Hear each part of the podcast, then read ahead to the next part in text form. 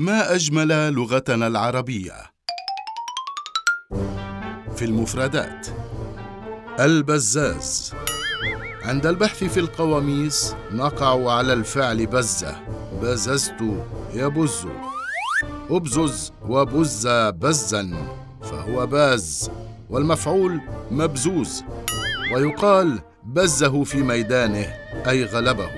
يبز أموال الناس أي يأخذها قصرا وبخفاء وبلا حق ومنها اشتق الفعل ابتز وبالتالي الابتزاز.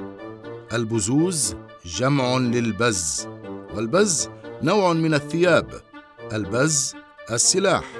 فحذاري أن تستخدم بزا في غير موقعه. أما البز الجمع أبزاز فتعني الثدي ويبدو أنها فارسية الأصل. ومع ذلك عربت واستعملت في الأمثال القديمة. كقولهم فلان لا يشربها من البز الأيسر. أي لا يلوى ذراعه لا يجبر على أمر لا يرتضيه. ويقال أيضا بز الرجل لا يدر لبنا. ومعناه هو قاسي الطبع قليلا ما يشفق على عكس المرأة. ويضرب للرجل الذي له ثأر ولا يقبل إلا الأخذ به. ولكن ما علاقة مفردتنا البزاز بالبز؟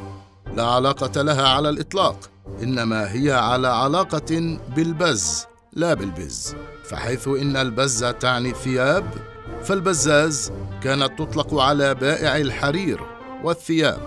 آهي ما أروعها لغة عربية. وعذرا على كثرة التبسبس.